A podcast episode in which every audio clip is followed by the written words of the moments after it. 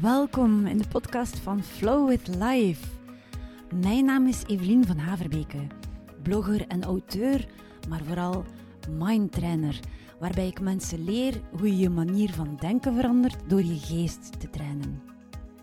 In deze podcast vertel ik jou graag hoe je de beste versie kunt worden van jezelf, hoe je een halt toeroept aan stress en angsten, hoe je heelt van trauma, hoe je door een gezonde mind ook een gezond lichaam bekomt en hoe je eindelijk die zo gegeerde rust kunt creëren in je hoofd. Hier geen ijle adviezen, maar wel concrete tips en tools gebaseerd op mindfulness, yoga-filosofie, positieve psychologie en meer. Want wie anders wil gaan denken, moet zijn geest daarvoor trainen. Je loopt toch ook geen marathon door er gewoon over te lezen.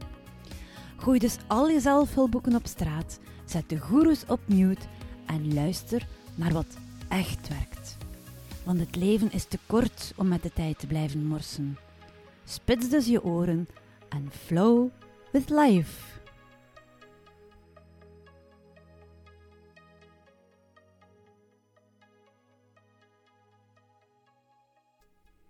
En in deze aflevering vertel ik jou graag hoe je kunt leren houden van jezelf.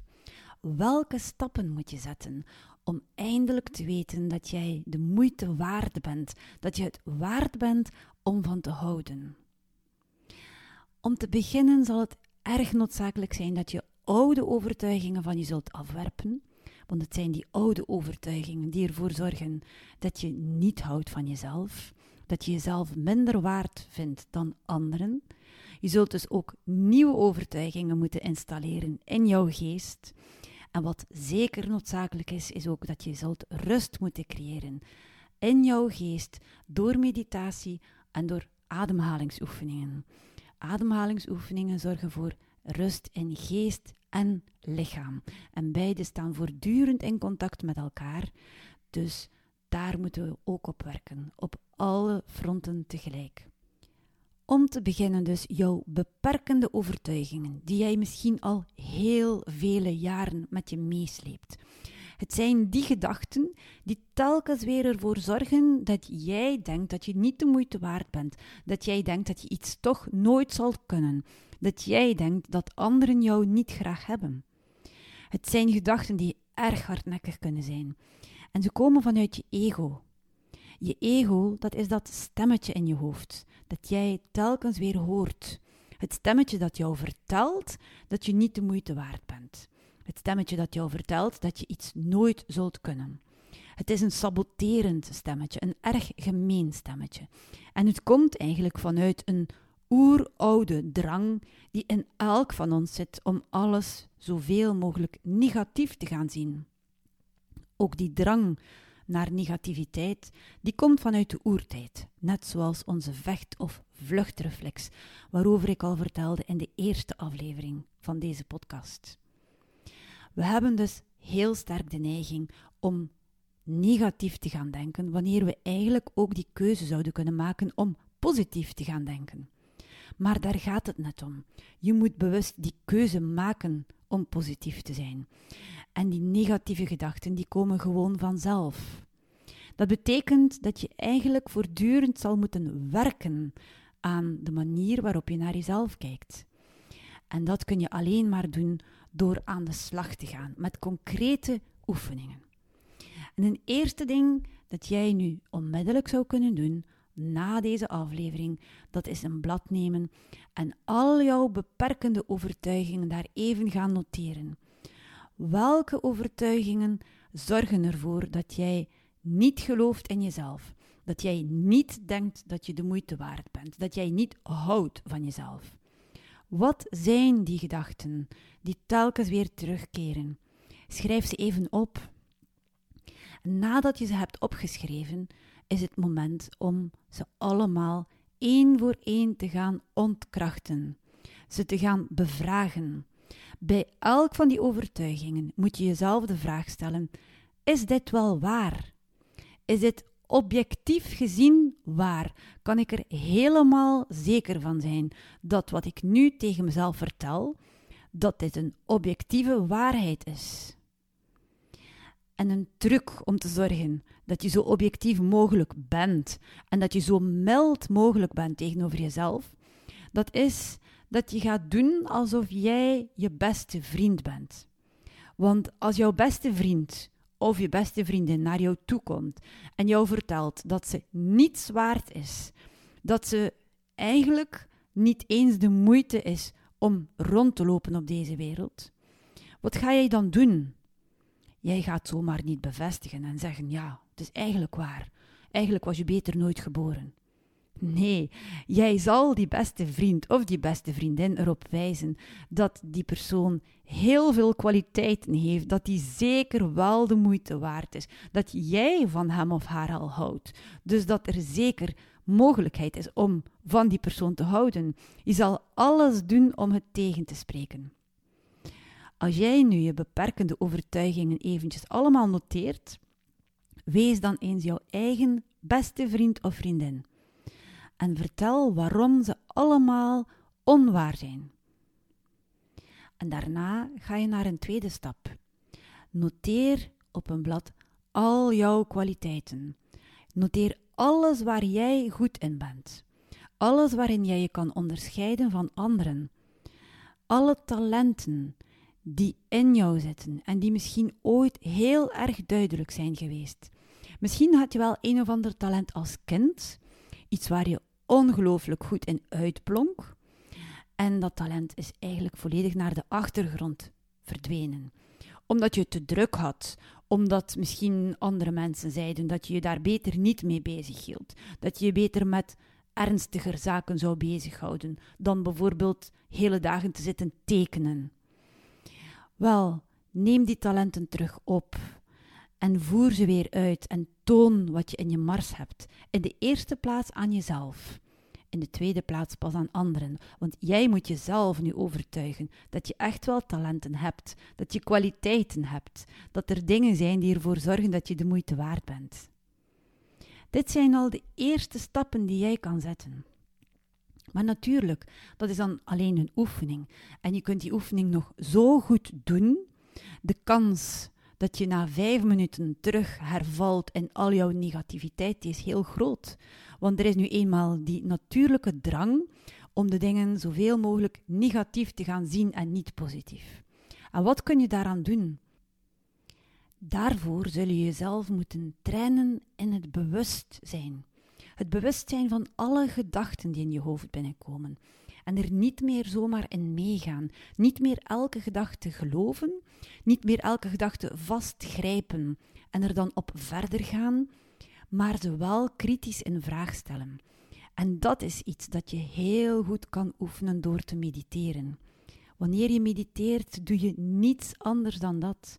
Voortdurend terwijl jij bijvoorbeeld op jouw ademhaling aan het focussen bent, komen er gedachten in je op terwijl je mediteert. En telkens weer moet je die gedachten loslaten, er niet op ingaan, zorgen dat ze jou niet van je pad afbrengt. En dat is nu net wat je zeker moet gaan doen: die gedachten telkens weer kritisch in vraag stellen, er niet op ingaan. Door te mediteren krijg je dat echt wel in de vingers. En ook met ademhalingsoefeningen zul je de nodige rust creëren om niet telkens weer in die val te trappen. Maar over ademhaling heb ik een podcast gemaakt, een aflevering gemaakt die je zeker nog eens kunt beluisteren. En zo zul je begrijpen hoe jouw ademhaling inwerkt op je volledige mindset. In elk geval, meditatie, mindfulness zijn hier de sleutelwoorden. Want als je mindful leeft, dan ben je heel bewust in het hier en nu. En al die saboterende gedachten, die komen vanuit jouw verleden. Als jij eenmaal weet dat je veel kwaliteiten in huis hebt, dat je een heel arsenaal aan talenten hebt, zul jij zelfvertrouwen kunnen ontwikkelen. Want je weet, ik ben even goed als een ander. Waarom zou ik mezelf moeten wegstoppen? Waarom zou ik moeten denken dat ik iets niet kan? En ik kijk misschien soms te veel naar iemand anders. Ik kijk op naar iemand anders, omdat die iets kan dat ik niet zo goed kan. Maar die persoon waar ik zo naar opkijk, die kan ook bepaalde dingen niet die ik wel kan. En we moeten allemaal met onze eigen talenten gaan werken. We moeten die eigen talenten eerst ontdekken en er dan mee aan de slag gaan. En dan zul je zien dat ook jij kan uitblinken. Maar misschien op een ander vlak dan die ene persoon waar je al zo lang naar opkijkt. Wat is er nu ook heel erg belangrijk? Het zelfvertrouwen, waar ik je net over vertelde, heeft te maken met het kennen van jouw talenten.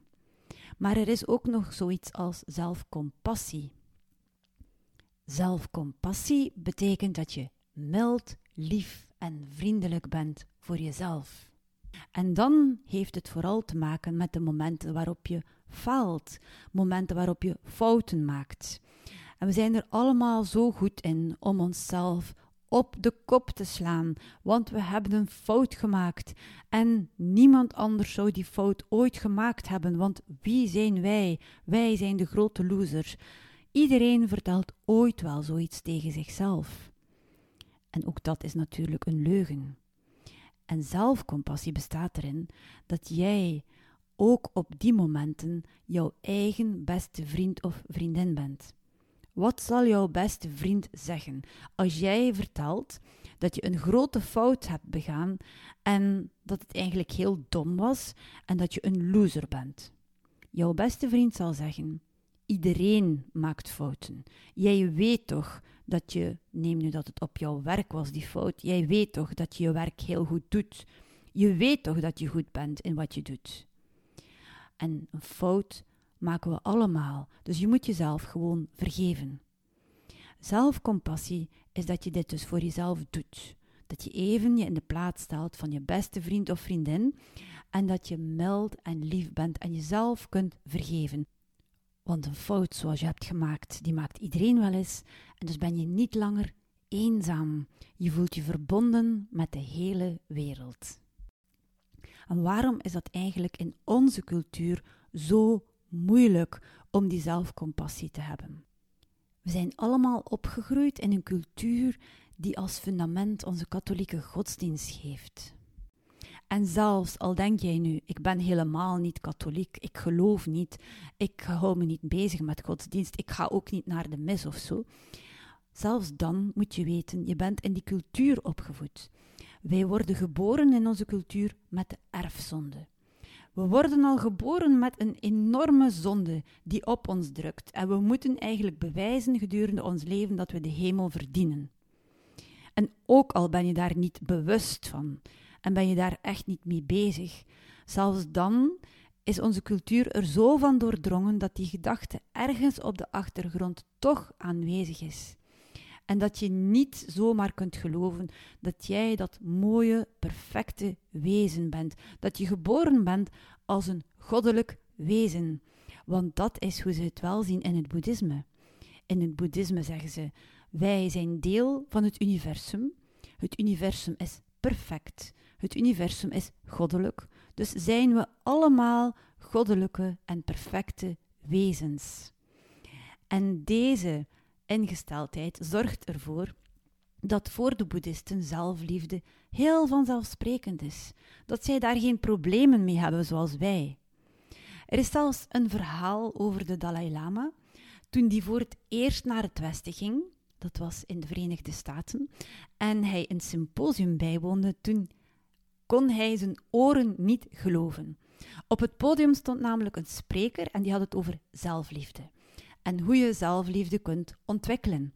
En de Dalai Lama die voelde zich heel erg ongemakkelijk en die keek voortdurend om zich heen om te zien hoe anderen reageerden. En hij merkte dat de anderen gewoon aandachtig luisterden, dat zij het allemaal niet zo vreemd vonden. En op een bepaald moment stootte hij de persoon naast zich tegen de elleboog en zei hij: Waarover gaat dit eigenlijk? En die ander zei wel over zelfliefde.